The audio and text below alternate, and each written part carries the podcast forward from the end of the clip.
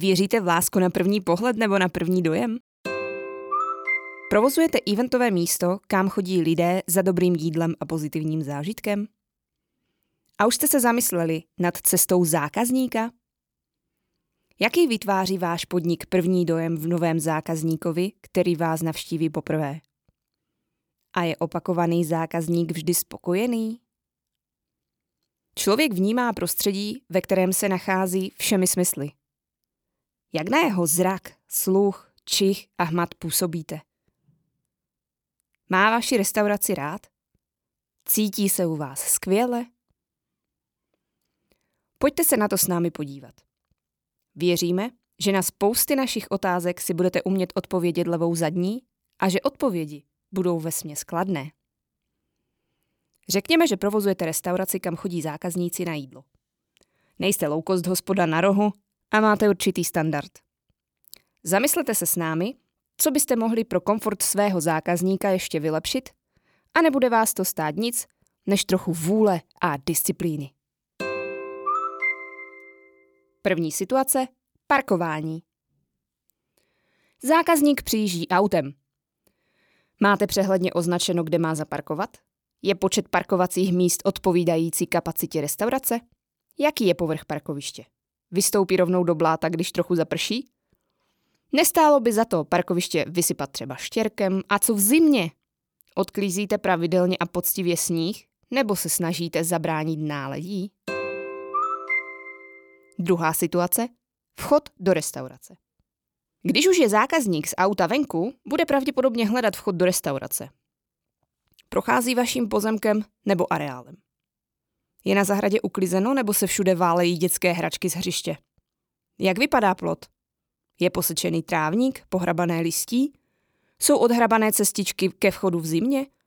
A ví vůbec, kde má vchod hledat? Stane se, že restaurace mají parkoviště za rohem a když zákazník neví, rázem vchází do restaurace zadním vchodem pro kuchyň či zásobování. Nezapomeňte, v případě, že vchod není z parkoviště jasně zřejmý, označit šipkou, kde vchod hledat. Třetí situace – interiér. Vchod našel, vchází do restaurace a teď pozor. Je řada nejen na zrak a sluch, ale taky hmat a čich. Prvně zrak. Co vidí zákazník na první pohled? Pokud je restaurace stylová, všechny prvky spolu ladí. Vysí na zdech obrazy? Jsou všude světlosálající reklamní nápisy známých nealkonápojů? Nebo diskrétní ledničky, které nepoutají mnoho pozornosti? Co u brusy? Máte? A výzdoba? Nezůstala vám náhodou v květnu ještě vánoční? Vidí čisté a upravené číšníky? Mají na nohách kroksy? Po zraku se podíváme na sluch zákazníka. Co slyší? Ladí hudba, která v restauraci hraje se stylem podniku? Nebo máte zámeckou restauraci, ve které jste pustili random rádio? Slyší zrovna dopravní zpravodajství z druhé strany republiky? Nebo jemnou podkresovou melodii, klidně instrumentální? Slyší řvoucí kuchařku z kuchyně či telefonující personál? A co hmat? Sáhne na ulepený stůl nebo nedej bože na žvíkačku ze spodu stolu? Nelepí se mu boty k podlaze, dostal čistou, vyleštěnou sklenici na pití, má si kam odložit kabát, není mu zima, když si sedne, nebo naopak příliš horko. V neposlední řadě se podívejme na to, co zákazník cítí. Vůní dobrého jídla, přesmažené pokrmy a spáleninu. Když bude odcházet, bude vonět nebo načichne zápachem z vaší kuchyně. Těch otázek je neskutečné množství. Není však na škodu si občas udělat ve svých procesech revizi a podívat se na ně očima svého zákazníka. On je totiž ten, pro kterého to všechno děláte. Nebo by to tak navenek mělo aspoň působit. Čtvrtá situace – zahrádka. Tady jen okrajově. Když se vás zákazník usadí na zahrádce venku, má na venkovní židli podsedák? Nezůstaly na stolech listy z předešlého podzimu? A co stoly? Nenajde tam nějaké překvapení se zhora? Myslíme pozdrav od ptáků. Stačí hadr, kýbl, trocha saponátu a dobré vůle, aby se zákazník cítil skvěle.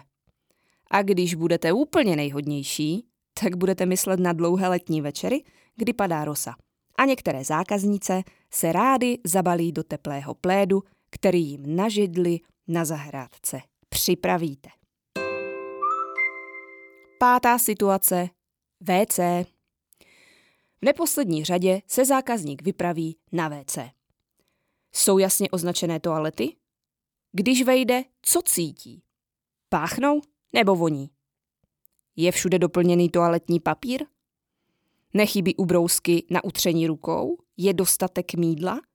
Je na toaletách vše funkční? Jsou čisté? Říká se, že dobrý podnik nepoznáte podle kuchyně, ale podle toalet. Zda je to dogma nevíme, ale tento výrok se nám zdá docela dobrým měřítkem. Je jasné, že otázek bylo až až. Znovu opakujeme. Z času na čas je fajn si udělat krátkou revizi procesů, protože provozní slepota, však vy víte. Pokud chcete další tipy, jak si pokládat ty správné otázky, podívejte se na www.kvamp.com, kde najdete užitečnosti a taky třeba informace, jak své podnikání vylepšit. Přejeme vám mraky spokojených a hlavně vracejících se zákazníků, kteří na první dobrou řeknou, že je ve vašem podniku krásně, čisto, voňavo a útulně. A taky, že se u vás vždy dobře nají a všemi deseti vás doporučí ostatním.